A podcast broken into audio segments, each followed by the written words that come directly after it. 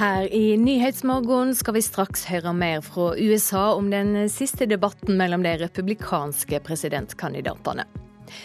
Fosterforeldre bør få samme pensjonsretter som vanlige arbeidstakere, mener Unio. For egen del så var jeg ikke klar over at jeg var frilanser før det hadde gått en tid. Jeg trodde faktisk at jeg var ansatt i kommunen. I kveld er det semifinale i håndball-EM. Vi skal snakke om hva som venter det norske laget når eh, kampen starter. Og mange av oss går inn i ei ruskete helg. Bind fast alt som er løst, er rådet vi får. Riktig god morgen. I studio i dag, Silje Sande.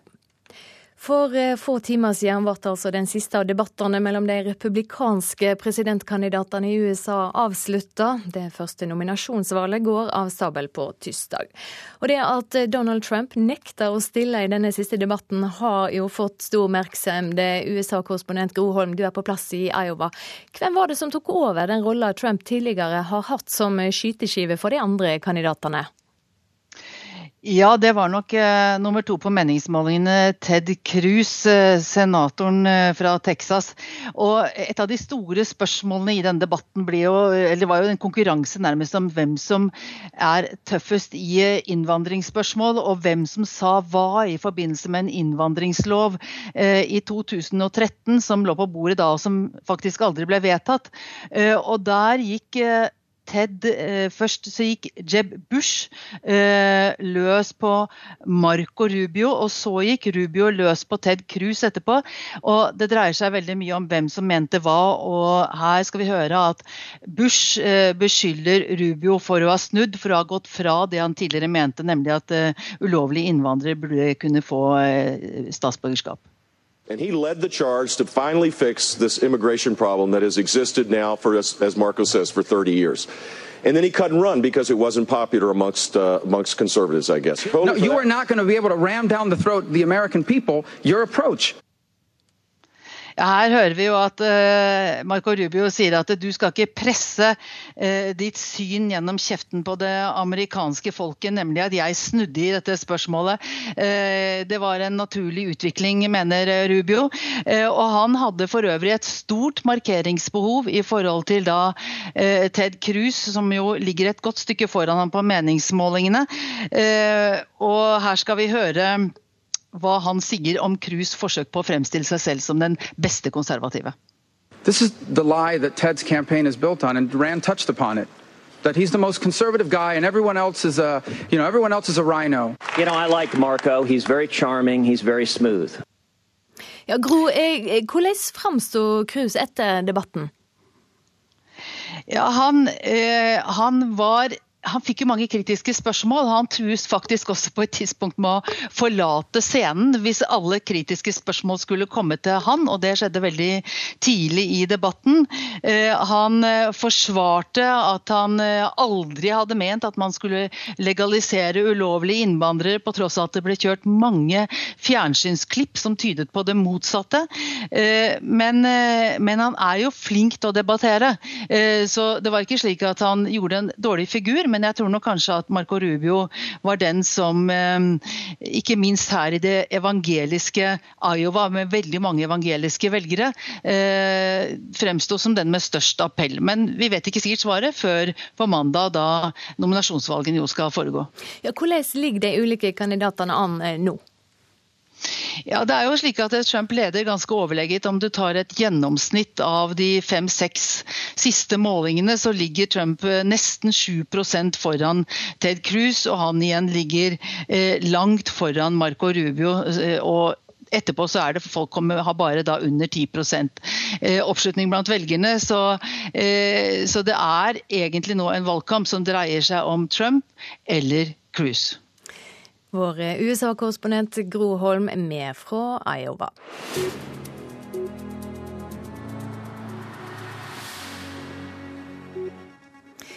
Vi skal høre at Unio vil endre fosterheimsordninga, slik at fosterforeldre skal få samme arbeidsretter som vanlige arbeidstakere. Leder i Barnevernpedagogene i Akademikerforbundet, som er en del av Unio, Anne Grønsund, reagerer på det hun mener er et økonomisk tap for de som er fosterforeldre.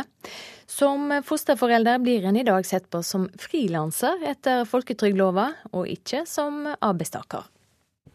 Det er altfor svake rettigheter, og det skaper for mye frustrasjon. Og det er unødvendig frustrasjon som med letthet kan rettes opp. Å ta seg av et fosterbarn kan være krevende, og enkelte velger å ta permisjon eller si opp jobben for å være fosterforeldre på heltid. Fosterforeldre i kommunene er engasjert som frilansere, og faller dermed utenfor regler om rettigheter i arbeidsforhold etter arbeidsmiljøloven og folketrygdloven.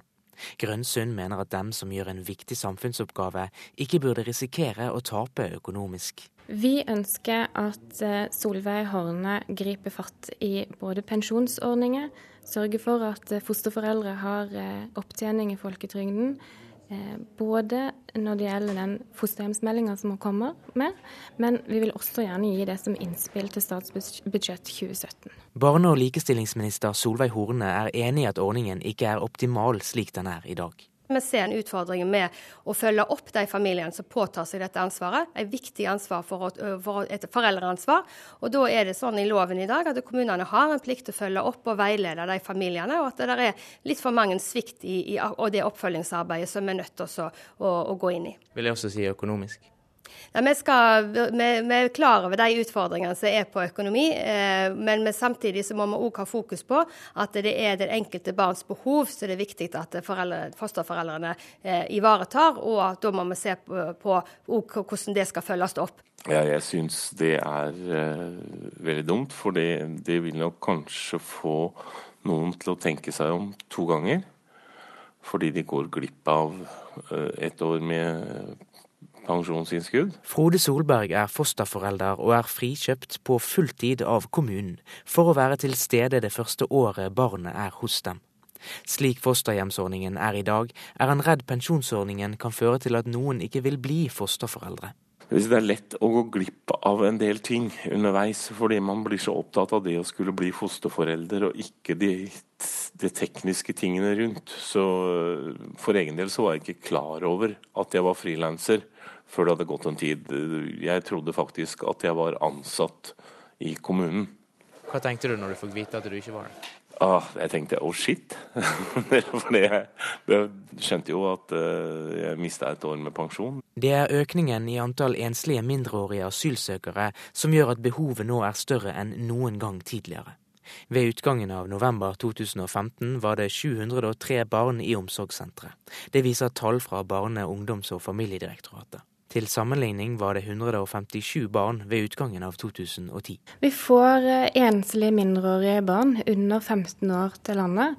Eh, og de er i behov av å kunne knytte varige, gode, trygge relasjoner. Så hvis vi skal mestre oppgaven med å gi eh, trygg omsorg, og også sørge for en langsiktig integrering, så er fosterforeldre en nøkkelfunksjon. Reporter Eirik Tufteland Kroken. Vi skal ta en kikk på dagens aviser. For noen er mamma det farligste i livet. Jonas ble bare ett år, skriver Aftenposten. Mødre står for rundt halvparten av vold mot barn i heimen. Samarbeidet er slitt, og Hareide kan komme til å si morna, Siv. Det skriver Vårt Land. Avisa snakker med fylkeslederne i KrF, og flertallet synes det er blitt klart vanskeligere å si ja til fire nye år med Frp i regjering.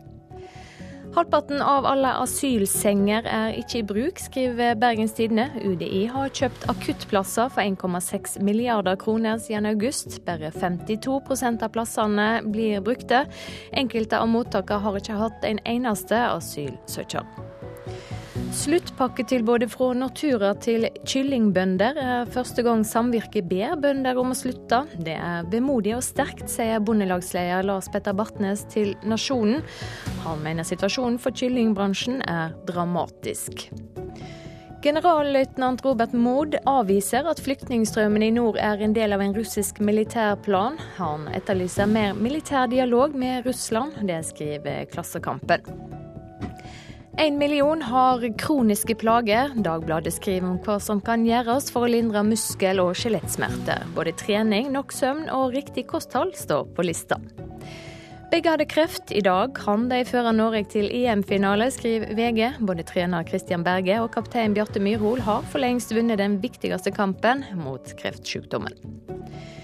Fire polakker er sikta for innbrudd på Sørlandet, men alle går fritt rundt i Polen. Polen utleverer ikke egne borgere til Norge, skriver Fedrelandsvennen. Sjef for eh, Arctic Securities, Mats Syversen, tok 91 millioner kroner i honorar fra meklerhuset sin egen storeier Trond Moen. Kjempehonoraret kom da Moen kjøpte en del av DNB sitt hovedkontor, forteller Dagens Næringsliv. Nå er leiken blitt big business, skriver Dagsavisen. Stadig flere lekeland håver inn stadig flere millioner kroner på barnelek og bursdager. Ikke alle synes det er like morosamt. Ekstremværet Tor er venta inn over landet i ettermiddag og kveld. Det er varsla ekstremvær i ni fylker fra Trøndelag og sørover. Meteorologene frykter det verste, men understreker at prognosene kan endre seg i løpet av dagen. Vi har fått besøk i studio av Cecilie Daa i Direktoratet for samfunnstrygghet og beredskap. Det er altså venta kraftig vind og harde vind kast. Hva er det folk må passe på? Ja, De skal gjøre seg en egen eh, risiko- og sårbarhetsanalyse, sier jeg. De skal gå litt igjennom hva man kan gjøre for å forberede seg, og det er de enkle ting det er snakk om. Eh, flytte ting, binde fast ting, sjekke at eh, vann, takrenner og sånn er i orden. Holde seg innendørs hvis det blir ille en periode, og følge godt med på den informasjonen man får både lokalt, men også nasjonalt. I dag er vi jo vant med at ting stort sett fungerer. At vi har strøm, skjermer, varme og lys. Er vi blitt mindre i stand til å håndtere det når uvær fører til problem? Vi har gjort oss veldig sårbare i forhold til eh, bruk av teknologi. Eh, og det gjelder jo både mobilteknologi og strøm. Og hvis begge deler faller ut, så er det nok sånn at mange føler seg nokså hjelpeløse. Men det er de enkle tingene en skal tenke på. Altså varme, lys, mat, eh, drikke og omtanke for naboen. Så kommer man langt med det.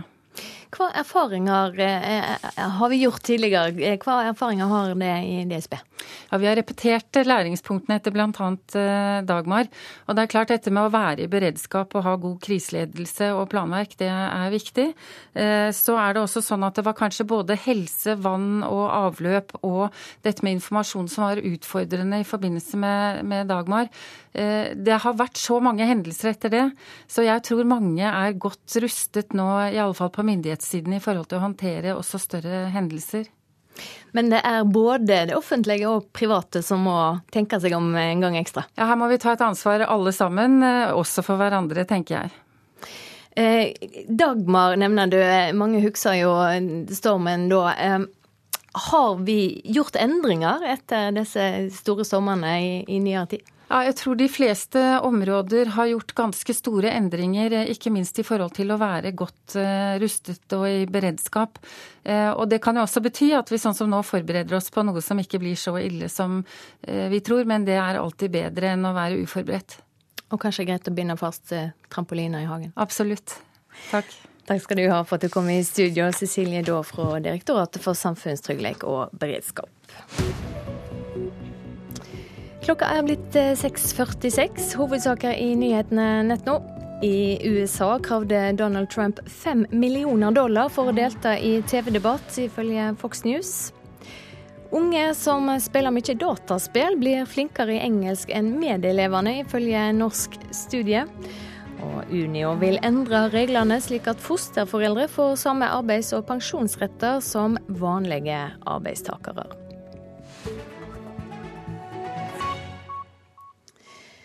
Stavanger Aftenblad må stanse en planlagt reportasje om ei 17 år gammel jente som er svært kritisk til barnevernet. Det krever selskapet Aleris, som driver barnevernsinstitusjonen jenta bor på nå. Reportasjen Stavanger Aftenblad har planer om å trykke i morgen, er hele 64 sider lang og blir den mest omfattende avisreportasjen i Norge noensinne. Aleris mener jenta sin anonymitet ikke er godt nok ivaretatt, og at hun ikke er godt nok forberedt på den brede dekninga saka får. Hvorfor tok du kontakt med media? Hvorfor tok du kontakt med oss?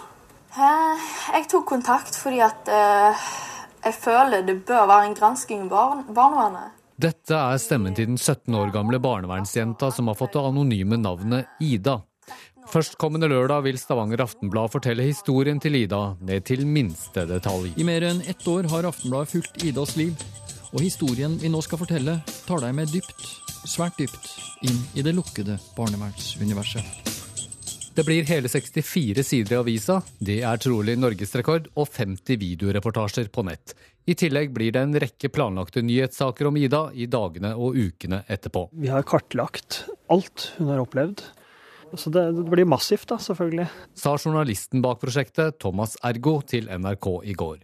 Men blir det kanskje for massivt? Ja, mener barnevernsinstitusjonen der jenta bor i dag. Selv om hun har hatt gode rådgivere her, så er det ikke sikkert at hun er helt i stand til å skjønne hvor stort dette kommer til å bli. Eh, altså, det er ingen som kan vite hvordan jenta vil tenke rundt dette om fem eller ti år. Det sier Svein Rosland, som er direktør i Aleris barnevern.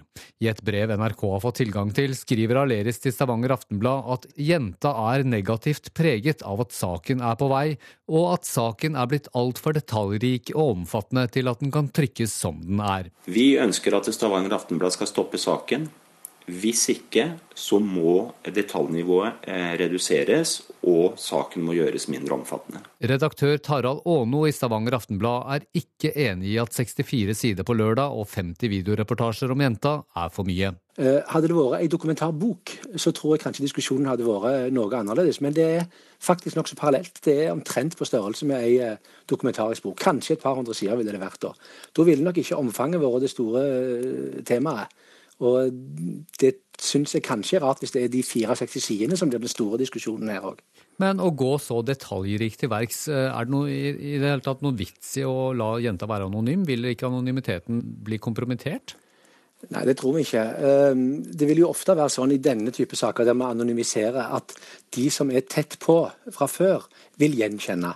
Men vi ønsker, og vi tror, at eh, dette fort går over til å bli en debatt eh, ikke bare om hun, og kanskje ikke bare om vår publisering heller, men faktisk om de store spørsmålene som eh, samfunnet må ta på alvor rundt diskusjoner om barnevernet. Reporter her var Petter Sommer. Da skal det handle om sport. I kveld spiller det norske herrelandslaget i håndball semifinale i Europamesterskapen, Europamesterskapet, og de skal møte Tyskland. Det er første gang de norske håndballherrene er kommet så langt i turneringa, og det var få som på førehånd trodde de skulle klare å slå Frankrike. Geir Erlandsen, god morgen. God morgen. Du har vært juniorlandslagstrener i flere år. Hvor gode er Tyskland i høve til de lagene nordmenn har møtt tidligere i turneringa? Ja, Tyskland er eh, ikke tvil om et veldig bra lag. Eh, de har på like linje med Norge også overraska litt eh, i forhold til den troppen de har. Det var mange skader i forkant av mesterskapet. De har også fått et par skader under mesterskapet. Så det er et ungt lag som, som helt klart har overraska på lik linje med Norge. Så i dag blir det spennende og sånn sett helt åpent. Ja, hva er det som venter nordmenn på banen? Hvordan er spillstilen til Tyskland? Nei, Tysk håndball er jo, det kjenner jo de norske gutta godt. Det er flere som spiller ned, og det er, eh, det er fysisk. Eh, store, sterke gutter. Og sånn sett så tror jeg det norske laget kan stå bra til Tyskland. Eh, forutsigbart. Litt annen type håndball enn bl.a. Kroatia, Spania, Polen spiller. Så, så det er grunn til å være optimist i dag. Hvor mye betyr det publikum, trykket fra tribuner? Det skjer jo i Polen, dette. Ja, nå har det vært veldig bra trykk eh, på alle kampene frem til nå. Og jeg vet det er veldig mange nordmenn som har hivd seg rundt og, og, skal ned og se i dag og resten av helga. Så det er bare positivt. Og de har eh, håndtert det på en bra måte. Så er det hvordan de har klart å omstille seg og nullstille seg etter eh, kampen mot Frankrike. Det er klart det er mye press og mye oppmerksomhet, så det, det er også en bit de må håndtere. For presset har vel bare blitt sterkere. Herrelandslaget har jo på en måte kommet ut av skuggene i denne turneringa. Hva er forklaringa på det? Nei, det, det, er mange. Det er, eh, det er, mange gode klubber eh, som, som, jobber godt. Det er eh, gode treningsmiljøer rundt omkring. Det er mange prosjekter som er satt i gang i de ulike regionene. Håndballforbundet har hatt ulike prosjekter, så det har vært en, en rød tråd et langsiktig arbeid over mange år. Så det er mange som har æren av det her. og det starta for mange år siden, så sånn sett så får eh, herrelandslaget all den oppmerksomheten og alt det de fortjener, for de har lagt ned mye, mye arbeid over mange, mange år. Kan de komme til å vinne og gå til finalen? Når det kommer så langt som det er gjort eh, nå, så er det selvfølgelig alt mulig. Og det er eh, gode muligheter for å ta Tyskland i dag, og da i en finale. Den, den kampen lever sitt liv. Og med det presset som er rundt en, en EM-finale, så det kan gå alle veier. Så det blir spennende. Det blir veldig spennende. Takk for at du kom i studio, Geir Erlandsen. Drøye to år etter at Kaizers Orkestra la opp, er frontfigur og låtskriver i bandet Jan Ove Ottesen tilbake som soloartist. Nå handler det ikke lenger om krig og mafia, men om ballett og kjærlighet, inspirert av den kjente russiske danseren Rudolf Nurejev. Og han er ikke redd for å, oppnå, for å ikke oppnå samme suksess som med Kaizers. Det var vel kanskje litt finere det, var ikke det? Jan Ove Ottesen hjelper til med scenedekoren til sin nye musikkvideo som spilles inn i det gamle konserthuset i Stavanger. Designstilen på scenen er hvit og ren, og det eneste som minner om Kaizers, er en stor sommerfugl i gull på bakveggen. For det, det er meg. Det kan jeg ikke ta vekk. Så det vil bli sommerfugler. Musikken ligner enda mer på den musikken som jeg sjøl hører på. Mye rap R&B. Drøyt to år etter at Kaizers Orchestra spilte sine storslåtte avskjedskonserter, er frontfiguren og låtskriveren i det populære rockebandet tilbake i musikkmanesjen, nå som soloartist.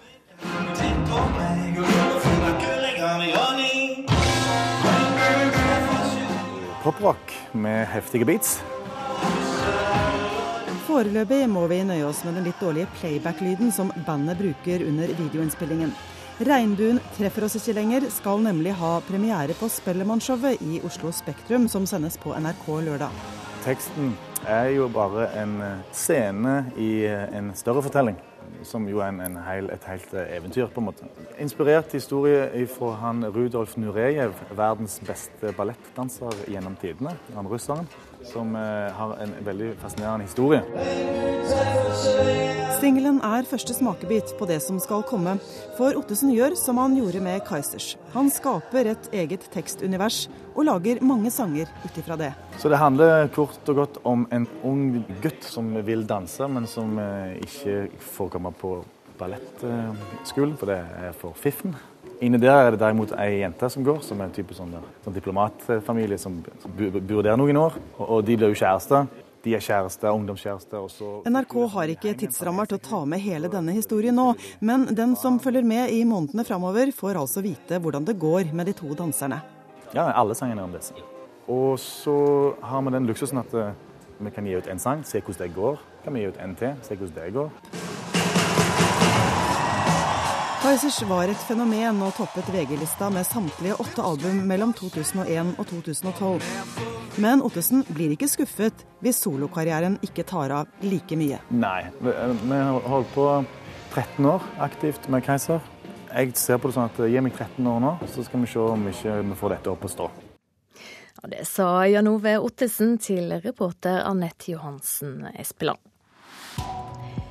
Vi skal ha et værvarsel som gjelder fram til midnatt, og det er en del vær å snakke om.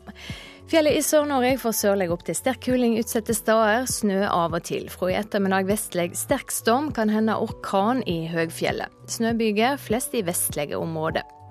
Østafjells øker til sørvestlig stiv kuling på kysten. Litt regn, sludd eller snø i indre og høyere liggende områder. Fra i ettermiddag sørvestlig opp i liten kuling. Sterk kuling på kysten, kan hende liten storm på kysten av Østfold. I indre strøk lokalt kraftige vindkast på 35 til 45 meter i sekundet, ellers vindkast på 20 til 25 meter i sekundet. Enkelte snøbyger i indre strøk, ellers opphold og lettere skydekke. Rogaland får øke til sørlig opp i sterk kuling. Regn og regnbyger. Snø over 800 til 1200 meter. Fra i ettermiddag dreiende sørvestlig med liten storm i nord. Regnbyger og snøbyger over 400 til 600 meter. Hordaland og Sogn og Fjordane sørlig i liten storm. Fra i ettermiddag sørvestlig full storm i sør. Kan hende orkan på kysten i nord. Vindkast på 35-50 meter i sekundet inn over land. Seint i kveld minkende. Regnbyger, snøbyger over 300-600 meter. Lokalt mye nedbør. Møre og Romsdal får øke til sørlig sterk kuling utsatte steder. Sent i ettermiddag sørvestlig sterk storm og kan hende orkan på kysten. Vindkast opp i 35 50 meter i sekundet innover land. Perioder med regn og regnbyger. Snø over 500 1000 meter. Trøndelag sørøstlig stiv kuling utsatte steder. I ettermiddag sterk kuling. Fra i ettermiddag regn. I kveld sørvestlig sterk storm og kan hende orkan på kysten. Vindkast på opp mot 45 meter i sekundet innover land. Regnbyger, snø over 300 til 600 meter. Nordland får sørlig liten kuling utsatte steder. Enkelte sluddbyger. I ettermiddag sørøstlig stiv kuling utsatte steder. I kveld lokalt sterk kuling på Helgeland, i Salten og i Ofoten. Regn i sør, i kveld også i nord. Snø i indre strøk. Troms sørlig liten kuling utsatte steder. Regn. Enkelte regn- og sluddbyger i sør. I kveld opp i sørøstlig sterk kuling, stort sett opphold. Finnmark sørlig bris, liten kuling i utsatte kyst- og fjordstrøk. I kveld øker til sørøstlig stiv kuling i vest, stort sett opphold. Og Nordensjøland på Spitsbergen, der blir det skiftende bris, for det meste pent vær. I ettermiddag østlig stiv kuling utsatte steder, litt snø.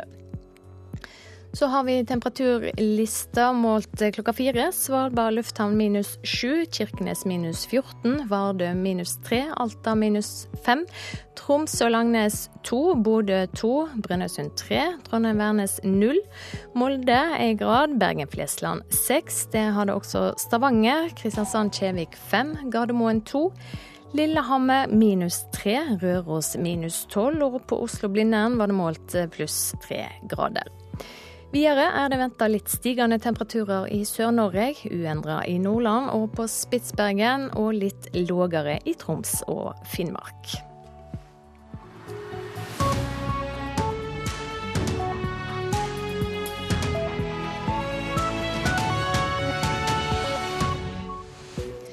Dagens gladmelding til unge som er glad i dataspill, er at alle skjermtimene kan føre til bedre karakterer i engelsk. Her i Nyhetsmorgen skal vi også straks høre mer om at regjeringa endrer reglene for permitterte. Vi skal også snakke om den siste TV-debatten blant de republikanske presidentkandidatene i USA.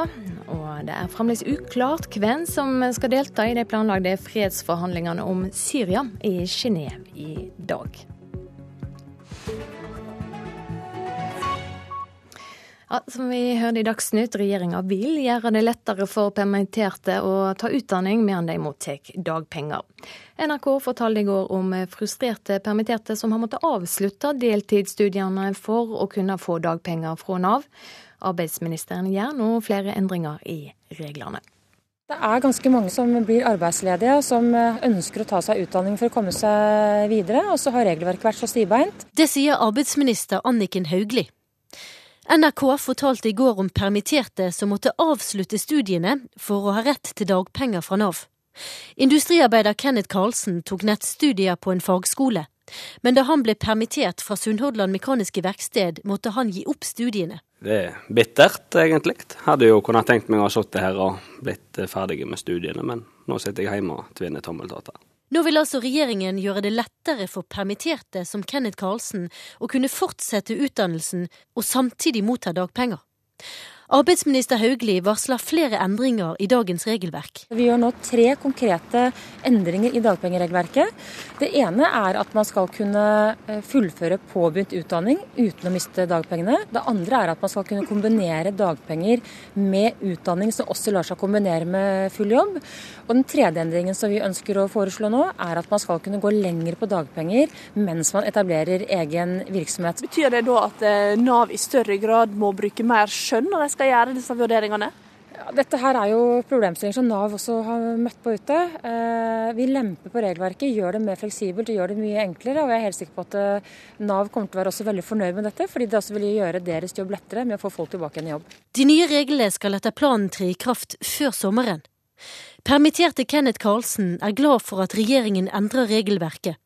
Nå vil han ta opp igjen nettstudiene på Bergen tekniske fagskole, mens han venter på oppgangstider og mer arbeid. Nei, Personlig så er jeg eh, kjempefornøyd. Da kommer jeg til å søke med en gang og håpe på å kunne fullføre denne utdanninga som jeg planla på å være godt inn i nå. Reportere Marte Halsør og Siri Løken. Ungdom som spiller mye dataspill på nett, blir bedre i engelsk enn andre. Det sier ny forskning. Noen av de skårer langt bedre i engelsk enn de gjør i norsk. Oh, here they come, here they come. Focus Malfurion, guys.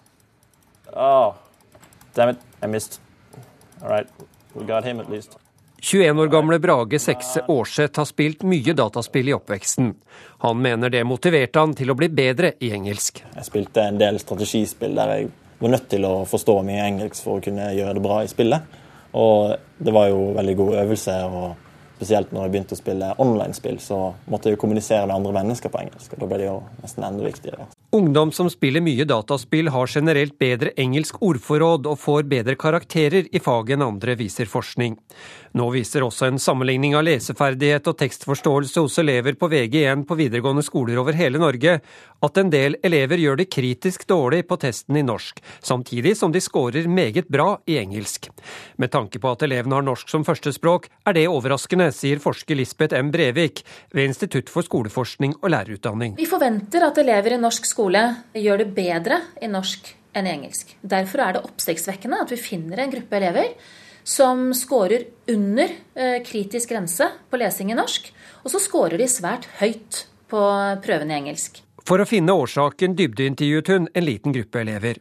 Svaret ligger i den store bruken av engelsk på fritida, ikke minst på dataspill, sier hun. De bruker mer enn tre timer om dagen eh, til å spille online-spill.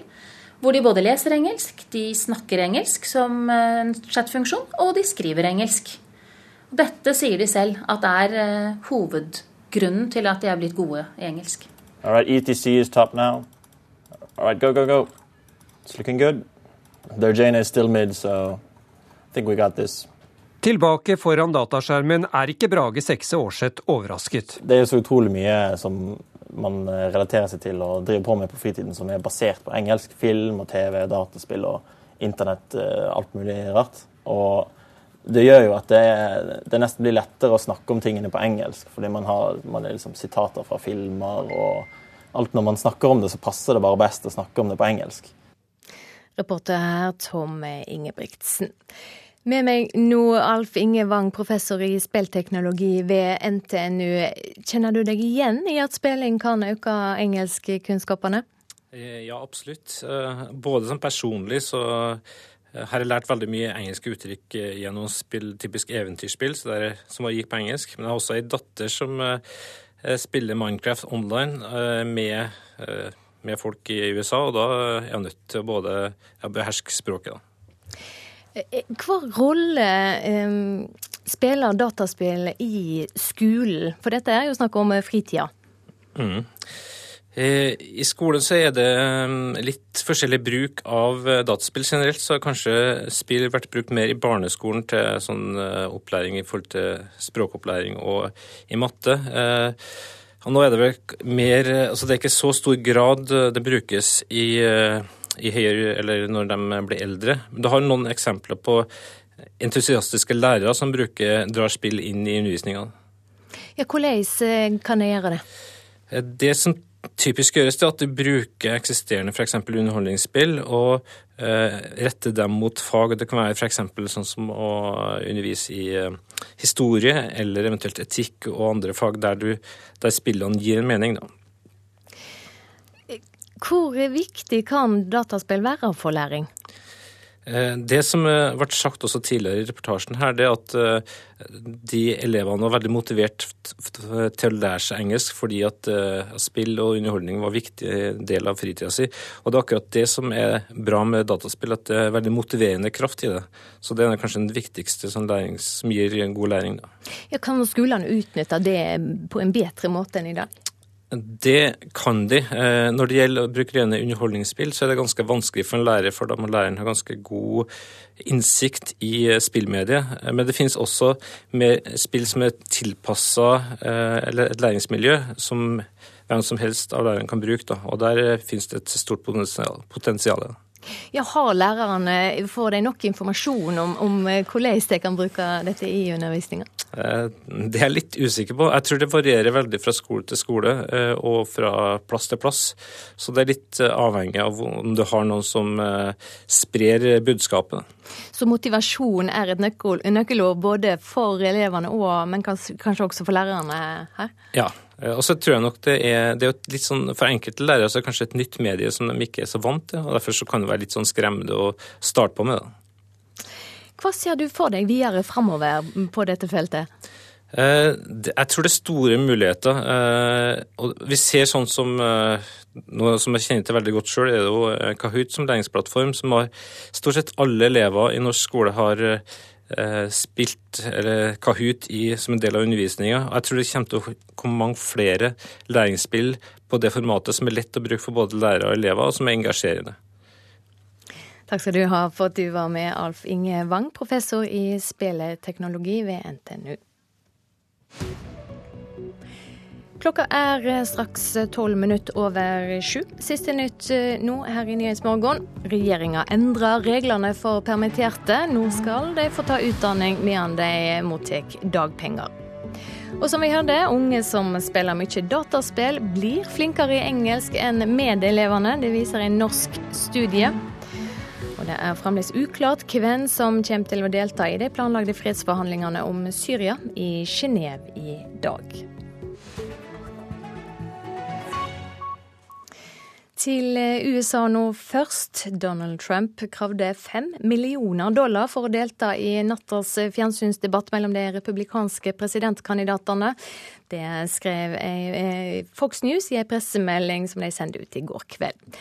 Donald Trump trakk seg tidligere fra debatten i Iowa fordi han mente fjernsynskanalen hadde behandla ham dårlig. Ifølge pressemeldingen fra Fox News stilte Donald Trump som krav at fjernsynskanalen bidro med 5 millioner dollar, eller 43 millioner kroner, til hans veldedige formål. Fox gjorde det klart at det ikke var mulig. Det var på tirsdag at den ledende republikanske presidentkandidaten gjorde det klart at han ikke ønsket å delta i debatten, etter en lengre ordveksling rundt debattleder Megan Kellys kvalifikasjoner. Det var Kelly som i en tilsvarende debatt i august i fjor stilte Trump kritiske spørsmål om hans nedsettende uttalelser om kvinner. Med Trump fraværende fikk mannen som ligger som nummer to på målingene, Ted Cruz, mange kritiske spørsmål under åpningen av nattens debatt. Dermed truet også han med å gå. Gosh, if, if say, question, Men Cruz ble og mottok denne salven fra nummer tre på målingene, Marco Rubio.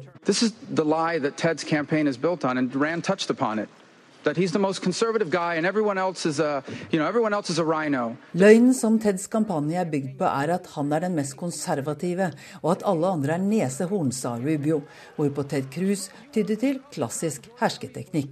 You know, like Marco. Jeg liker Marco, han er veldig sjarmerende og glatt, sa Ted Cruz. Det ble i det hele tatt en debatt med en ganske skarp tone mellom deltakerne. Jeb Bush angrep Rubio for å ha snudd i synet på legalisering av ulovlige innvandrere tilbake i 2013. And he led the charge to finally fix this immigration problem that has existed now for, as Marco says, for 30 years.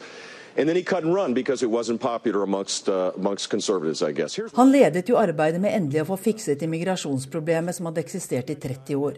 Så kuttet han ut og stakk av fordi hans syn ikke lenger var populært, sa Bush. Hvorpå Rubio svarte med at du får ikke presset den oppfatningen ned kjeften på det amerikanske folket. I en åpenbar appell til Iowas mange evangeliske velgere var Rubio den som la størst vekt på sin kristne bakgrunn. Vi er det mest sjenerøse folket i verden, basert på den jødisk-kristne tro, sa Rubio. Min kristne tro vil ikke bare være retningsgivende for min presidentgjerning, men også i privatlivet, la han til. Mandag er det nominasjonsvalg i Iowa, og da får vi vite om Rubios appell virker.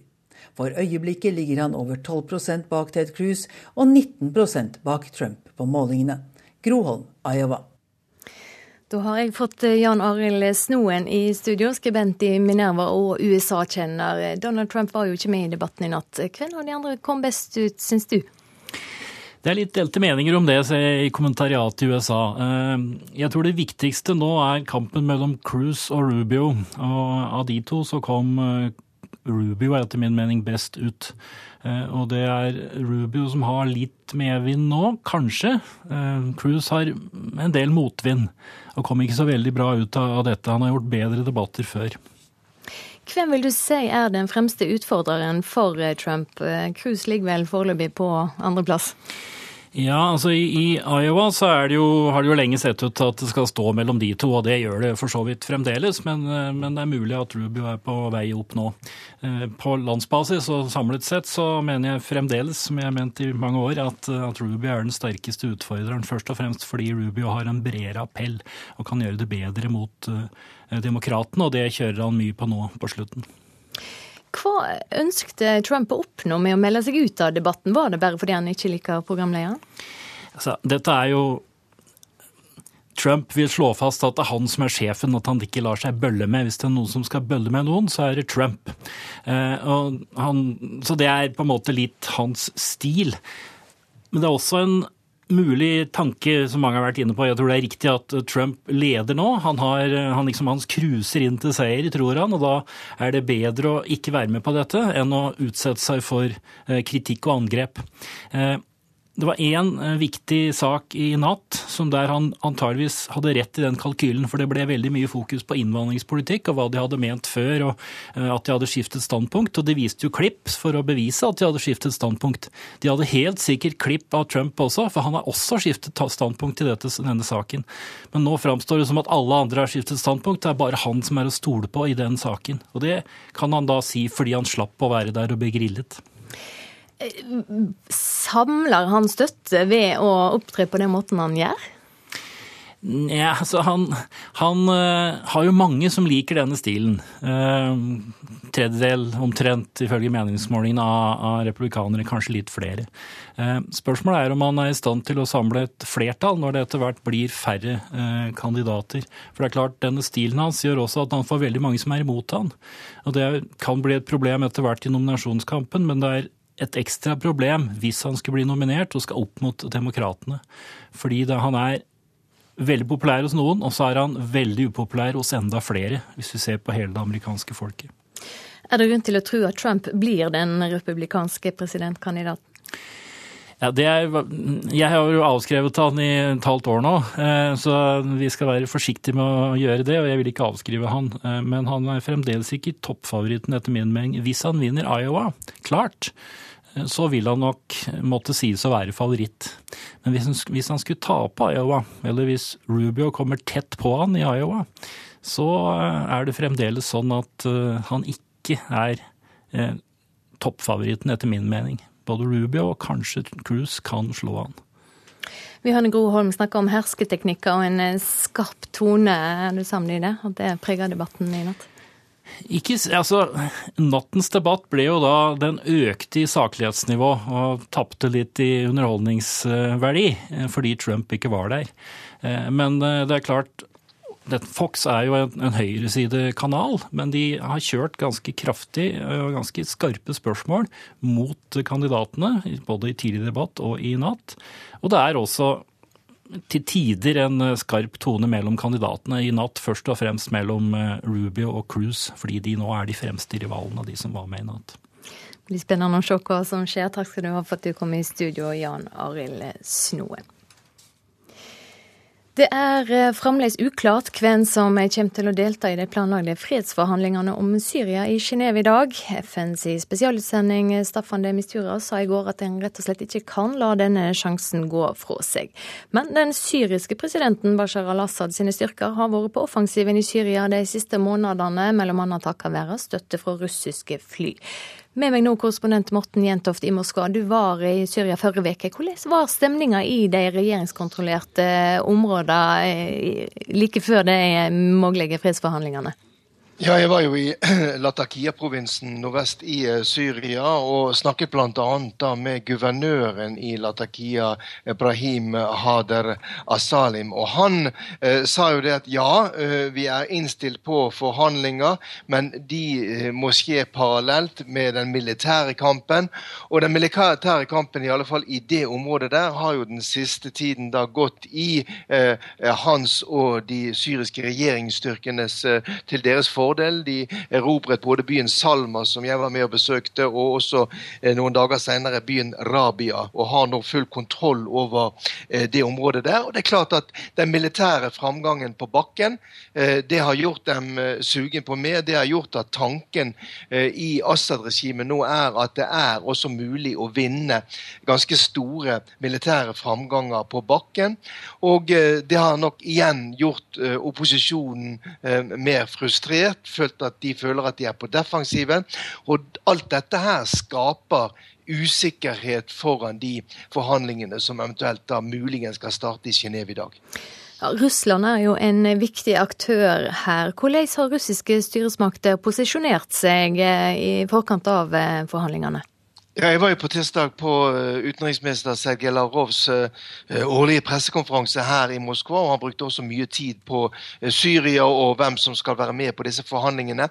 Russerne har jo lagt enormt prestisje ned i å få til disse forhandlingene. Dette er jo et resultat av en forhandlingsprosess som skjedde i Wien før jul, der Russland kom til en slags enighet med USA, og at man da fikk på en måte en, en slags vei mot disse forhandlingene i Kiev.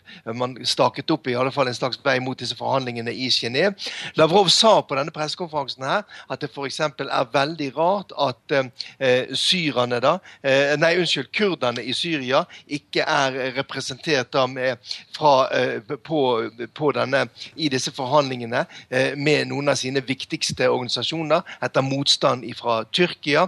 Sånn at eh, også russerne her er frustrert over hvem som kan sitte ved forhandlingsbordet i Genéve, men her er det gi og ta. Og så får vi jo se hva som kommer ut av forhandlingene i Genéve i dag. Ja, er Russland nå klare på Bashar al-Assads rolle videre? Ja, Det er jo også interessant, eh, fordi eh, det har jo vært sagt fra russisk side at ja, vi er inne nå og støtter Bashar al-Assad fordi han er den eneste som på bakken slåss mot bl.a. den islamske staten inne i Syria. Men det har jo vært antydet eh, fra russisk hold at man er villig til å se på Bashar al-Assads rolle i et framtidig Syria. Men man sier helt klart fra russisk side det må avgjøres av det syriske folket. Og mitt mitt inntrykk når jeg var i Syria Nå var jo jeg selvfølgelig i de regjeringskontrollerte områdene og i Bashar al-Assads kjerneområde i Latakia nordvest i Syria. Men det er ingen tvil om at han har betydelig støtte i en stor del av den syriske eh, befolkningen, som frykter hva som kommer til å skje hvis en del av disse mer militante islamske opprørsgruppene kommer til makten. Takk skal du ha, korrespondent Morten Jentoft med fra Moskva. Vi skal se på hva avisene skriver om i dag. For noen er mamma det farligste i livet. Jonas ble bare ett år, skriver Aftenposten. Mødre står for rundt halvparten av vold mot barn i heimen. Samarbeidet er slitt, og Hareide kan komme til å si morna Siv, skriver Vårt Land. Avisa snakker med fylkeslederne i KrF. Flertallet synes det er blitt klart vanskeligere å si ja til fire nye år med Frp i regjering. Halvparten av alle asylsenger er ikke i bruk, forteller Bergens Tidende. UDI har kjøpt akuttplasser for 1,6 milliarder kroner siden august. Bare 52% av plassene blir brukte, og enkelte av mottakene har ikke hatt en eneste asylsøker. Sluttpakketilbudet fra Natura til kyllingbønder er første gang samvirket ber bønder om å slutte. Det er vemodig og sterkt, sier bondelagsleder Lars Petter Bartnes til Nasjonen. Han mener situasjonen for kyllingbransjen er dramatisk. Generalløytnant Robert Mood avviser at flyktningstrømmen i nord er en del av en russisk militærplan. Han etterlyser mer militær dialog med Russland, skriver Klassekampen. En million av oss har kroniske plager. Dagbladet skriver om hva som kan gjøres for å lindre muskel- og skjelettsmerter. Både trening, nok søvn og riktig kosthold står på lista. Begge hadde kreft. I dag kan de føre Norge til EM-finale, skriver VG. Både trener Christian Berge og kaptein Bjarte Myrhol har for lengst vunnet den viktigste kampen mot kreftsykdommen. Fire polakker er sikta for innbrudd på Sørlandet, men alle går fritt rundt i Polen. Polen utleverer ikke egne borgere til Norge, det skriver Fedrelandsvennen i dag. Så skal vi høre at brøytemannskapene er klare til å ta imot det varsla uværet Tor. Allerede i går blåste det friskt på rv. 52 over Hemsedalsfjellet. Den viktigste oppgaven vi har er å tenke på trafikktryggleiken, sier brøytebilsjåfør på den værharde strekninga Jan Østli. Det er å få eh, trafikken trygt over. At de, eh, at de bilene som ferdes, at de kan kjøre normalt og ja, komme seg over i trygt og godt. Jan Østli setter mye inn på å holde veien åpen for de mange bilistene som kjører på rv. 52 over Hemsedalsfjellet. Særlig gjelder dette seint torsdag og fredag, da mange vestlendinger har planlagt turen over til Hemsedal for å prøve skia, eller bruke denne strekninga som er gjennomfartsåret mellom øst og vest. der vegfarende er alltid viktigst for oss, sier den erfarne brøytebilsjåføren. Ja, det er klart det. Det er jo det, er jo det vi tenker på hele tida, på egentlig hvor stor heft det er for mange hvis vi må til med kolonne. Og så det at, håper at de skjønner hvor nødvendigheten er med å, med å begynne med kolonne. Du har, du har, kjørt brøytebil både på Haukeli og på Hardangervidda og her på Hemsedalsfjellet. Hvor til vei er lettest å brøyte? Nei, det vil jeg vel si er her. Med forholdsvis kort fjellovergang og, og, og egentlig åpent, åpent terreng, syns jeg, da. I dag melder meteorologene at det skal bli et forferdelig uvær også på Hemsedalsfjellet. Vind med orkanstyrke og opp mot 50 sekundmeter i de verste vindkasta. Brøytesjåføren følger tett med på værmeldingene fra brøytestasjonen på Bjøberg. Og i dag er Jan Østli lite i tvil om dagens værvarsel. Det er ikke noen gode meldinger. Altså, vi håper vi skal greie det sånn, sånn å, å, ha kolonne, men det verste er jo hvis en må til med stenging. Og, og som jeg sa, at å begynne med kolonne på en torsdagskveld, fredags ettermiddag, hvor det er mye trafikk, og særlig søndager nå, det er egentlig liten moro. Men, men eh, vi må bare bøye oss for været, og sikkerheten den står i høysetet. Ja, sikkerheten står alltid i høysetet? Ja, det er eh, alltid. Så eh, det er mange som ikke veit hvor farlig det er, og hvor fort det kan snu. og og hvis en skulle kjøre seg fast innpå her, og det drar på vær og snø og du blir så liten at det, du Nei, da, da, har du råd. Det er vanskelig å rå med hvis det drar i gang for fullt. Ja, Da er det ikke mye det kan få gjort det brøytefolka heller? Nei, vi må bare bøye oss med det og ta de forholdsregler som er.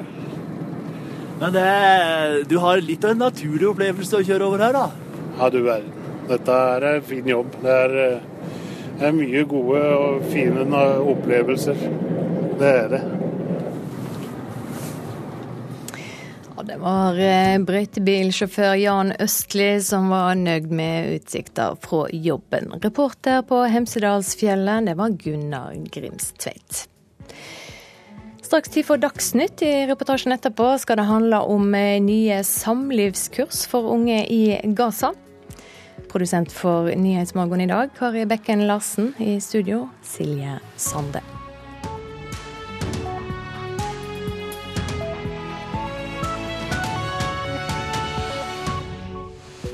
Her i Nyhetsmorgen skal vi straks høre mer om at regjeringa endrer permitteringsreglene, slik at folk kan ta videreutdanning uten å miste dagpengene.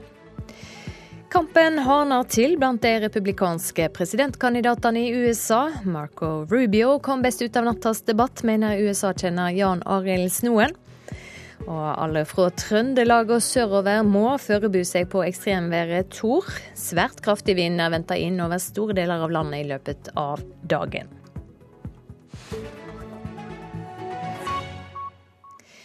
Regjeringa vil altså gjøre det lettere for permitterte å ta utdanning medan de mottar dagpenger. NRK fortalte i går om frustrerte permitterte som har måttet avslutte deltidsstudiene for å kunne få dagpenger fra Nav. Arbeidsministeren gjør nå flere endringer i reglene. Det er ganske mange som blir arbeidsledige, og som ønsker å ta seg utdanning for å komme seg videre, og så har regelverket vært så stivbeint. Det sier arbeidsminister Anniken Hauglie. NRK fortalte i går om permitterte som måtte avslutte studiene for å ha rett til dagpenger fra Nav. Industriarbeider Kenneth Karlsen tok nettstudier på en fagskole. Men da han ble permittert fra Sunnhordland Mekaniske Verksted, måtte han gi opp studiene. Det er bittert, egentlig. Hadde jo kunnet tenkt meg å ha sittet her og blitt ferdig med studiene, men nå sitter jeg hjemme og tvinner tommeltotter. Nå vil altså regjeringen gjøre det lettere for permitterte som Kenneth Karlsen å kunne fortsette utdannelsen og samtidig motta dagpenger. Arbeidsminister Hauglie varsler flere endringer i dagens regelverk. Vi gjør nå tre konkrete endringer i dagpengeregelverket. Det ene er at man skal kunne eh, fullføre påbegynt utdanning uten å miste dagpengene. Det andre er at man skal kunne kombinere dagpenger med utdanning som også lar seg kombinere med full jobb. Og den tredje endringen som vi ønsker å foreslå nå, er at man skal kunne gå lenger på dagpenger mens man etablerer egen virksomhet. Betyr det da at eh, Nav i større grad må bruke mer skjønn når de skal skal gjøre disse vurderingene? Ja, dette her er jo problemstillinger som Nav også har møtt på ute. Eh, vi lemper på regelverket, gjør det mer fleksibelt og gjør det mye enklere. Og jeg er helt sikker på at eh, Nav kommer til å være også veldig fornøyd med dette, fordi det også vil gjøre deres jobb lettere med å få folk tilbake igjen i jobb. De nye reglene skal etter planen tre i kraft før sommeren. Permitterte Kenneth Karlsen er glad for at regjeringen endrer regelverket. Nå vil han ta opp igjen nettstudiene på Bergen tekniske fagskole, mens han venter på oppgangstider og mer arbeid. Nei, Personlig så er jeg eh, kjempefornøyd. Da kommer jeg til å søke med en gang og håpe på å kunne fullføre denne utdanninga som jeg planla på å være godt inne i nå. Reportere Marte Halsø og Siri Løken. AUF er ikke nøyd med svarene fra innvandrings- og integreringsminister Sylvi Listhaug om hvorfor hun mener retur av asylsøkere til Russland er i tråd med folkeretten. I går svarte Listhaug Stortinget i et brev. Innvandringspolitisk talsperson i Arbeiderpartiet Helga Pedersen sier til Dagbladet at svaret er akseptabelt, men det er ikke leder i AUF, Mani Husseini, samd i. Jeg oppfatter eh, ikke at regjeringen ennå har et godt svar på om vi bryter folkeretten ved å sende folk tilbake til Russland. Dermed er AUF-leder Mani Hussaini uenig med sin partikollega innvandringspolitisk talsperson Helga Pedersen. Pedersen har de siste dagene uttrykt sterk bekymring for om Norge kan komme til å bryte folkeretten ved å returnere asylsøkere til Russland. Hun spurte derfor innvandrings- og integreringsminister Sylvi Listhaug spørsmål om hvilke konkrete faglige vurderinger som ligger til grunn for påstanden fra regjeringen om at instruksen og praksisen overfor asylsøkere som er kommet over Storskog, er i tråd med folkeretten. I går kom svaret, og til Dagbladet sier Pedersen at dette er et akseptabelt svar som innebærer klare forpliktelser. Vi har fått en mer detaljert forklaring på hva som ligger bak Sylvi Listhaugs forsikring om at regjeringens praksis er i tråd med folkeretten og asylforliket på Stortinget. Men Mani Hussaini er derimot ikke ferdig med saken. Helga Pedersen har sagt at hun er tilfreds med dette svaret at hun er fornøyd med at Sylvi Listhaug har svart, ja. Ok, Ikke Men, at svaret er greit? Nei, ikke, ikke slik jeg oppfatter det. Og, da, og, og, og, da, må det være fordi det som man ble enige om i asylforliket, og det som står i, på første side, i første setning, at man skal følge sine internasjonale forpliktelser. Og når man da eh, får kritikk gjennom disse her returene, eh, eh, som regjeringen tilsynelatende ikke kunne svare for, da må det være lov å peke på det uten å bli tatt for å vingle. Listhaug sier i svaret at påstanden om at det er trygt for de fleste i Russland er basert på en gjennomgang av praksis fra Den europeiske menneskerettighetsdomstolen, som viser at det bare er i enkelte typetilfeller at det vil være risiko for at retur til Russland vil stride mot menneskerettighetene. Listhaug skriver at det ikke hadde vært aktuelt å kreve noen forsikring fra russiske myndigheter knyttet til håndteringen av personer som returneres fra Norge. Hussaini sier det skiller en avgrunn i verdisyn mellom Arbeiderpartiet og Frp. Ja, det mener jeg. Fordi ingen Arbeiderparti-statsråd ville eh, snakket om medmennesker på den måten eh, flere Frp-ere gjør, og flere statsråder i Frp gjør. Nemlig eh, en, en, stigmatiserende og mistenkeliggjørende retorikk som, som, som, splitter mennesker. Og det er ikke det vi trenger i disse tidene her nå. Vi trenger folk som, som eh, eh vi trenger ledere som samler folket, og ikke mm. splitter dem. Eh, Kolberg mener da forskjellen på Arbeiderpartiet og Frp er at det, det gjør vondt for Arbeiderpartifolk å si 'dessverre, du må ut', mens Frp-ere jubler inni seg. Er det det forskjellen består i? Jeg tror forskjellen består i politikken, på integreringspolitikken, hvor vi ser at regjeringen ikke har levert. Og det handler om hva slags ord man bruker om folk. Det handler om ord? Det handler også om ord. Så ikke om politikk? det handler om politikk og om retorikk, og begge deler er viktig i politikk. Reporter her Fredrik Solvang. Mani Husseini var gjest i Politisk kvarter tidligere i dag. Unio vil endre fosterheimsordninga slik at fosterforeldre skal få samme arbeidsretter som vanlige arbeidstakere. Leder i Barnevernpedagogene i Akademikerforbundet, som er en del av Unio, Anna Grønsund, reagerer på det hun mener er et økonomisk tap for de som er fosterforeldre. Som fosterforelder blir en i dag sett på som frilanser etter folketrygdlova, ikke som arbeidstaker. Ja, jeg syns det er uh, veldig dumt, for det, det, vil nok kanskje få noen til å tenke seg om to ganger. Fordi de går glipp av uh, et år med pensjonsinnskudd. Frode Solberg er fosterforelder og er frikjøpt på fulltid av kommunen for å være til stede det første året barnet er hos dem. Slik fosterhjemsordningen er i dag, er han redd pensjonsordningen kan føre til at noen ikke vil bli fosterforeldre. Det er lett å gå glipp av en del ting underveis, fordi man blir så opptatt av det å skulle bli fosterforelder, og ikke de, de tekniske tingene rundt. Så For egen del så var jeg ikke klar over at jeg var frilanser før det hadde gått en tid. Jeg trodde faktisk at jeg var ansatt i kommunen. Hva tenkte du når du fikk vite at du ikke var det? Ah, jeg tenkte oh shit. For jeg, skjønte jo at uh, jeg mista et år med pensjon. Å ta seg av et fosterbarn kan være krevende, og enkelte velger å ta permisjon eller si opp jobben for å være fosterforeldre på heltid. Fosterforeldre i kommunene er engasjert som frilansere, og faller dermed utenfor regler om rettigheter i arbeidsforhold etter arbeidsmiljøloven og folketrygdloven. Leder i barnevernspedagogene i Akademikerforbundet, Anne Grønsund, mener at dem som gjør en viktig samfunnsoppgave, ikke burde risikere å tape økonomisk. Vi ønsker at eh, Solveig Horne griper fatt i både pensjonsordninger, sørger for at eh, fosterforeldre har eh, opptjening i folketrygden, både når det gjelder den fosterhjemsmeldinga som hun kommer med, men vi vil også gjerne gi det som innspill til statsbudsjett 2017. Barne- og likestillingsminister Solveig Horne er enig i at ordningen ikke er optimal slik den er i dag. Vi ser en utfordring med å følge opp de familiene som påtar seg dette ansvaret. Et viktig ansvar for, for, et foreldreansvar. Og Da er det sånn i loven i dag at kommunene har en plikt til å følge opp og veilede de familiene, og at det er litt for mange svikt i, i og det oppfølgingsarbeidet som vi er nødt til å, å, å gå inn i. Vil jeg også si økonomisk? Ja, vi, skal, vi, vi, er klar over de utfordringene som er på økonomi, eh, men samtidig må vi òg ha fokus på at det er det enkelte barns behov som det er viktig at foreldre, fosterforeldrene eh, ivaretar. Og at da må vi se på, på hvordan det skal følges opp. Reporter Eirik Tufteland Kroken. Ekstremværet Tor er venta innover landet i ettermiddag og kveld. Det er varsla svært kraftig vind fra Trøndelag og sørover. Det er allerede vanskelige tilhøve på flere fjelloverganger. Jan Østli er brøytebilsjåfør på Hemsedalsfjellet. Ja, det er eh, alltid. Så eh, det er mange som ikke veit hvor farlig det er og hvor fort det kan snu. Og, og hvis en skulle kjøre seg fast innpå her og det drar på vær og snø og du blir så liten at det, du Nei, da, da har du råd det er vanskelig å rå med hvis det drar i gang for fullt. Og advarslene kommer ikke bare fra folk som kjører brøytebil på fjellet.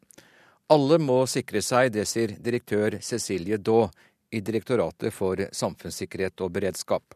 Ja, De skal gjøre seg en egen eh, risiko- og sårbarhetsanalyse, sier jeg. De skal gå litt igjennom hva man kan gjøre for å forberede seg, og det er de enkle ting det er snakk om. Eh, flytte ting, binde fast ting, sjekke at eh, vann, takrenner og sånn er i orden. Holde seg innendørs hvis det blir ille en periode, og følge godt med på den informasjonen man får både lokalt, men også nasjonalt. Men det er de enkle tingene en skal tenke på, altså varme, lys, mat, eh, drikke og omtanke for naboen, så kommer man langt med det. Flytrafikken går foreløpig som normalt, men fly som skal til Vestlandet fyller nå ekstra drivstoff, opplyser SAS. Det er ventet at sterk sidevind kan gjøre det vanskelig å lande i Haugesund og i Bergen utover ettermiddagen. I Widerøe gir de nå passasjerene tilbud om å utsette avreisen. Det sier kommunikasjonsdirektør i selskapet Rikard Kongstein. I Widerøe så har vi nå beslutta at vi lar passasjerer som, som, er usikre på om de får reist, og som kanskje tenker at det er skummelt å reise når det blåser såpass kraftig, de gir vi nå muligheten til å booke om billetten sin eh, til eh, lørdag eller søndag, hvis, eh, hvis de ønsker det. I tillegg så, så, har vi jo beredskapen oppe sånn i forhold til å, å følge, følge, med. I utgangspunktet så har vi planlagt for en vanlig dag, men vi vet at den neppe blir, blir vanlig. Reporter Hans-Jørgen Solli. Og rv. 7 over Hardangervidda er nå stengt for personbiler pga. snøfokk. Tunge kjøretøy over 7,5 tonn slipper over i kolonne. På, på E134 over Haukelifjell er det kolonnekjøring for alle kjøretøy, og både Vikafjellet og Venabygdsfjellet er stengt. Du hører på Nyhetsmorgen. Klokka er 8.45. Dette er hovedsaker nett nå. Det skal bli lettere for permitterte å ta utdanning mens de tar imot dagpenger. Kampen hardner til blant de republikanske presidentkandidatene i USA. Straks skal vi ha en analyse av nattas debatt. Og som vi hørte, ekstremværet Tor er på vei. Utover dagen og kvelden blir det vind opp i orkan, styrke en rekke steder i Sør-Norge.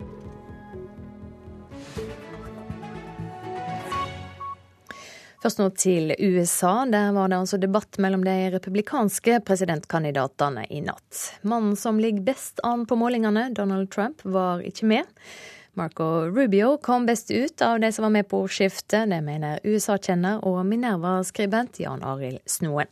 Jeg tror det viktigste nå er kampen mellom Cruz og Rubio. Og av de to så kom eh, Rubio etter min mening best ut.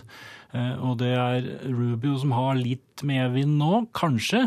Eh, Cruise har en del motvind og kom ikke så veldig bra ut av dette. Han har gjort bedre debatter før. Hvem vil du si er den fremste utfordreren for eh, Trump? Cruise ligger vel foreløpig på andreplass? Ja, altså i, i Iowa så det jo, har det jo lenge sett ut at det skal stå mellom de to, og det gjør det for så vidt fremdeles. Men, eh, men det er mulig at Rubio er på vei opp nå. Eh, på landsbasis og samlet sett så mener jeg fremdeles, som jeg har ment i mange år, at, at Rubio er den sterkeste utfordreren. Først og fremst fordi Rubio har en bredere appell og kan gjøre det bedre mot uh, demokratene, og det kjører han mye på nå på slutten. Hva ønskte Trump å oppnå med å melde seg ut av debatten? Var det bare fordi han ikke liker programlederen? Trump vil slå fast at det er han som er sjefen, at han ikke lar seg bølle med. Hvis det er noen som skal bølle med noen, så er det Trump. Eh, han, så det er på en måte litt hans stil. Men det er også en mulig tanke som mange har vært inne på. Jeg tror det er riktig at Trump leder nå. Han, har, han liksom, hans cruiser inn til seier, tror han. Og da er det bedre å ikke være med på dette enn å utsette seg for eh, kritikk og angrep. Det var én eh, viktig sak i natt som der han antageligvis hadde rett i den kalkylen, for det ble veldig mye fokus på innvandringspolitikk og hva de hadde ment før, og eh, at de hadde skiftet standpunkt. Og de viste jo klipp for å bevise at de hadde skiftet standpunkt. De hadde helt sikkert klipp av Trump også, for han har også skiftet standpunkt i dette, denne saken. Men nå framstår det som at alle andre har skiftet standpunkt, det er bare han som er å stole på i den saken. Og det kan han da si fordi han slapp å være der og bli grillet. Samler han støtte ved å opptre på den måten han gjør? Ja, altså han, han uh, har jo mange som liker denne stilen. Uh, tredjedel omtrent, ifølge meningsmålingene, av, av, republikanere, kanskje litt flere. Uh, spørsmålet er om han er i stand til å samle et flertall når det etter hvert blir færre kandidater. For det er klart, denne stilen hans gjør også at han får veldig mange som er imot han. Og det kan bli et problem etter hvert i nominasjonskampen, men det er et ekstra problem hvis han skulle bli nominert og skal opp mot Demokratene. Fordi det, han er veldig populær hos noen, og så er han veldig upopulær hos enda flere, hvis vi ser på hele det amerikanske folket. Unge som spiller mye dataspill på nett, blir bedre i engelsk enn andre. Det syner ny forskning. Noen av de skårer langt bedre i engelsk enn de er i norsk. Oh, here they come, here they come. Oh, I missed. We got him at least. 21 år gamle Brage Sekse Aarseth har spilt mye dataspill i oppveksten. Han mener det motiverte han til å bli bedre i engelsk. Jeg spilte en del strategispill der jeg var nødt til å forstå mye engelsk for å kunne gjøre det bra i spillet. Og når jeg begynte å spille online-spill, så måtte jeg jo kommunisere med andre mennesker på engelsk. og Da ble det jo nesten enda viktigere. Ungdom som spiller mye dataspill har generelt bedre engelsk ordforråd og får bedre karakterer i faget enn andre, viser forskning. Samtidig viser en sammenligning av leseferdighet og tekstforståelse hos elever på VG1 på videregående skoler over hele landet at en del elever som scorer bra på testen i engelsk, scorer dårlig i norsk. Elevene har norsk som førstespråk, sier forsker Lisbeth M. Brevik ved Institutt for skoleforskning og lærerutdanning. Derfor er det oppsiktsvekkende at vi finner en gruppe elever som scorer under eh, kritisk grense på lesing i norsk, og så scorer de svært høyt på prøven i engelsk. Hun sier årsaken viste seg å være at elevene var svært motiverte for å lære engelsk på fritida, ikke minst pga. dataspilling. De bruker mer enn tre timer om dagen til å spille online-spill. Hvor de både leser engelsk, de snakker engelsk som en chatfunksjon, og de skriver engelsk. Brevik mener vi derfor i større grad bør bruke elevenes fritidsinteresser i undervisningen. Det kan være å bringe dataspill inn i faglige sammenhenger. Det kan være å ta helt andre situasjoner, skolesituasjoner, men å gjøre tydelig for elevene hvorfor er dette relevant for deg. ETC is top now. All right, go, go, go. I think we got this. Reporter her Tom Ingebrigtsen. I kveld skal det norske herrelandslaget i håndball spille semifinale i EM mot Tyskland. Det er første gang de norske håndballherrene har, har, kommet så langt i turneringa. Det var få som på førehånd trodde at de skulle klare å slå Frankrike. Geir Erlandsen har vært juniorlandslagstrener i flere år. Han sier Tyskland er en god motstander for Norge. Det er et ungt lag som, som helt klart har overraska på lik linje med Norge, så i dag blir det spennende og sånn sett helt åpent. Ja, hva er det som venter nordmenn på banen? Hvordan er spillstilen til Tyskland? Nei, Tysk håndball er jo, det kjenner jo de norske gutta godt. Det er flere som spiller ned, og det er, eh, det er fysisk. Eh, store, sterke gutter. Og sånn sett så tror jeg det norske laget kan stå bra til Tyskland. Så det er eh, grunn til å være optimist i dag. Hvor mye betyr det publikum, trykket fra tribuner? Det skjer jo i Polen, dette. Ja, nå har det vært veldig bra trykk eh, på alle kampene frem til nå. Og jeg vet det er veldig mange nordmenn som har hivd seg rundt og, og, skal ned og se i dag og resten av helga. Så det er bare positivt. Og de har eh, håndtert det på en bra måte. Så er det hvordan de har klart å omstille seg og nullstille seg etter eh, kampen mot Frankrike. Det er klart det er mye press og mye oppmerksomhet, så det, det er også en bit de må håndtere. For presset har vel bare blitt sterkere.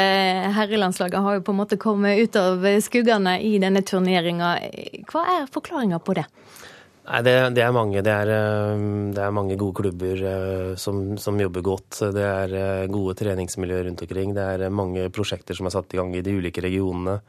Håndballforbundet har hatt ulike prosjekter, så det har vært en, en rød tråd og et langsiktig arbeid over mange år. Så det er mange som har æren av det her. og det starta for mange år siden, så sånn sett så får eh, herrelandslaget all den oppmerksomheten og alt det de fortjener, for de har lagt ned mye, mye arbeid over mange, mange år. Kan de komme til å vinne og gå til finalen? Når det kommer så langt som det er gjort eh, nå, så er selvfølgelig alt mulig. Og det er eh, gode muligheter for å ta Tyskland i dag, og da i en finale. Den, den kampen lever sitt liv. Og med det presset som er rundt en, en EM-finale, så det kan gå alle veier. Så det blir spennende. Og kampen mot Tyskland kan du høre direkte i NRK P1 fra klokka 18.10. Like før nyttår la hun ut et bilde av seg sjøl på sosiale medier i bare trusa og BH-en. For 43 år gamle Janne Wernersen var dette starten på det hun håper skal bli et nytt og slankere liv. Stadig flere vel og deler forsøket på å gå ned i vekt med folk på sosiale medier. Og Wernersen skildrer seg sjøl slik før hun starta slankekuren. Bleik, hårete, feit. Jeg følte meg usunn. Jeg syns ikke jeg sov så veldig godt, og jeg var ganske øh, sliten hele tida og orka nesten ikke å tenke på noe. Slik beskriver Jane Wernersen hvordan hun opplevde sin egen kropp bare for noen uker siden. På nyåret var det imidlertid slutt. Jane ville ta grep, og bestemte seg for å dele bilder og erfaringer fra veien mot et slankere liv på sosiale medier. 43-åringen tok bilder av seg selv i bare trusa og en sportstopp, og lot det stå til. Jeg hadde sett så mange sånne med biljardkulerumpeballer, eh, olja inn og brune lår som sto langt fra hverandre, og tenkte at uh, det er jo virkelig ikke sånn vi ser ut. Eller i hvert fall ikke sånn mange jeg kjenner ser ut. Og så tok jeg et bilde av sånn ser jeg ut. Sånn ser kanskje du ut òg. Og nå tenkte jeg at jeg skulle bli sunn. Vil du være med? Men eh, kunne du ikke bare ha holdt dette for deg sjøl? Altså, de fleste velger jo på en måte å ha eh, slankekuren eller slankeprosjektet sitt eller eh, sunnhetsprosjektet sitt som en slags sånn privat eh, reise. Det har jeg gjort veldig mange ganger, og det har jo ikke hjulpet én gang. Så jeg har jo gått fra ca. Jeg er 1,60 høy, og den siste gangen jeg veide meg i august, så veide jeg over 80 kilo. Eh, så jeg tenker at kanskje er litt forpliktelse, da. At nå, nå er jeg i gang, så nå må jeg bare gjøre det. Det kan hende det ligger noe der, da. At uh, alt annet har jo ikke virka, så nå kan jeg kanskje prøve med noen som heier på meg, da. Det å få en, en heiagjeng, kan du si, eller få uh, mennesker som støtter oppunder det mål du har satt deg, det kan være bra for mange mennesker. Cecilie Staude er høyskolelektor på BI og ekspert på sosiale medier. Hun forteller at selv om mange fortsatt helst deler solskinnshistoriene sine, så er det stadig flere som gjør som Jane. Og, og, selv om det kanskje var utenkelig for oss for noen år tilbake å dele den type opplevelser med andre i sosiale medier, så er det blitt mer naturlig. Jeg tror det er et resultat av at vi blir mer komfortable med den åpenheten vi ser. Og vi kan også se at det å dele litt vanskeligere eh, historier også kan gi deg noe tilbake ved at folk engasjerer seg, gir deg støtteerklæringer, og det i seg selv kan være en motivasjon til å fortsette med det målet man har satt seg. Jeg var ikke klar over at det kom til å bli sånn massivt trøkk eh, med så mange leste innlegg. Og folk som jeg møter, som jeg ikke har snakka så mye med, spør åssen går det med prosjekt Sunn kropp. Åssen går det? Mm, så jeg har egentlig fått erfaringer med at uh, det er litt åpenhet rundt det å se litt vanlig ut, da. Eller i mitt tilfelle litt rullet inn. På ungdomsskolen i Vestfossen er norsklærer Jane fortsatt den hun alltid har vært. Elevene i klassen hennes bryr seg egentlig lite om hva læreren deres gjør i sosiale medier. Jeg googla henne på Facebook, og da kom det opp masse bilder. Eh, jeg syns det er eh, helt greit for meg, liksom. Det er jo Jane som bestemmer hva hun legger ut. Men Blir det nært for dere? Blir det litt sånn 'Å, gud, dette er læreren vår'? Nei, jeg tror ikke det. Jeg tror ingen av oss tar det så veldig nært, egentlig. Det hadde vært litt verre hvis det hadde vært mora til en av oss, liksom. Da tror jeg det hadde vært litt verre. Men det er det ikke. Reporter her, det var Anne Marit Borgen Werring. Ja, Statsmeteorolog Terje Alsvik Vallø, du er kommet i studio. Jeg har snakket om ekstremvær tidligere i dag fra Trøndelag og sørover. Altså, hva kan folk vente seg? Det kan vente seg storm, i hvert fall eh, hvis man befinner seg ute ved kysten. Det har ikke startet med storm riktig ennå. Det har nærmet seg liten storm akkurat ved Stad. Men eh, det vil jo ta seg opp nå i løpet av formiddagen sør for Stad. Men det er nok i ettermiddag og kveld at den kraftigste vinden treffer. Først eh, sør for Stad, og så beveger den seg til Midt-Norge i løpet av kveldstimene. På Sunnmøre så kommer den inn sent i ettermiddag, men til Trøndelag så er det først et stykke på kvelden at den kraftigste vinden kommer eh, inn. Og Det er opp til sterk storm man kan forvente seg. Det er ytterst på kysten, derfor fra Sogn og Fjordane og nordover en periode. Kanskje i overkant av sterk storm også enkelte utsatte steder. Sør på Østlandet så er det snakk om liten storm, og her østafjells sterk kuling lang kysten. Og også fjellet får kuling eller storm på de utsatte stedene, så vanskelige kjøreforhold og sikkert en del stengte veier i, i fjellet i Sør-Norge i dag. Og Nedbøren også kommer inn da fra ja, særlig Vestlandet får nedbør i dag i form av regn. Østafjells kortvarig regn nå midt på dagen. Og i Trøndelag bare litt nedbør av og til.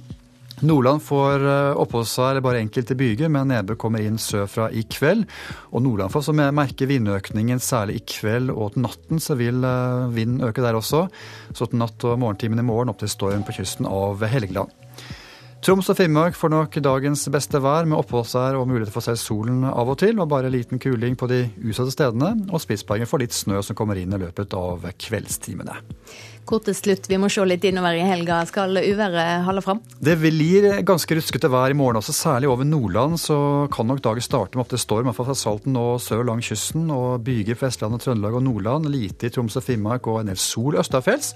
Og søndagen så blir det roligere vær egentlig i hele landet med ja, litt bedre vær generelt i landet på søndagen. Hva skal du ha. Ansvarlig for nyhetssendingene i dag, Bjørn Christian Jacobsen. Produsent for Nyhetsmorgen, Kari Bekken Larsen. Teknisk ansvarlig, Espen Hansen. Programleder, Silje Sande.